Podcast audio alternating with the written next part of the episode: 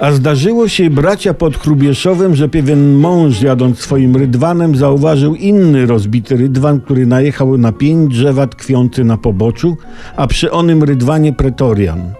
Zatrzymawszy swój rydwan, jął szczegółowo wypytywać pretorian o zdarzenie. A powiedzcież mi, szlachetni pretorianie, cóże się tu wydarzyło? Czyże rydwan na pień wpadł?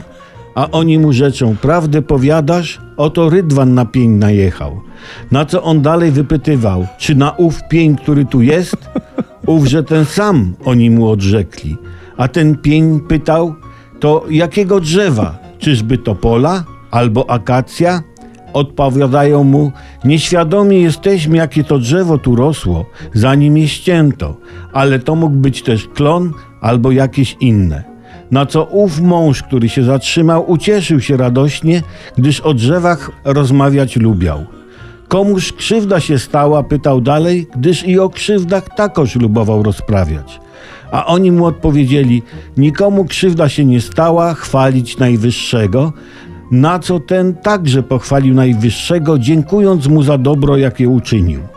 Jednakowoż pretorian zadziwiła nadmierna dociekliwość owego męża i zbliżywszy się do niego, poczuli odór z ust owego, jakoby był on objazdową gorzelnią.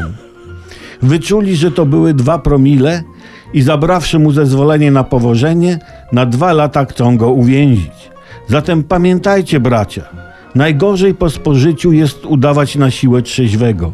Zaprawdę powiadam wam, z tego dobra żadnego nie ma.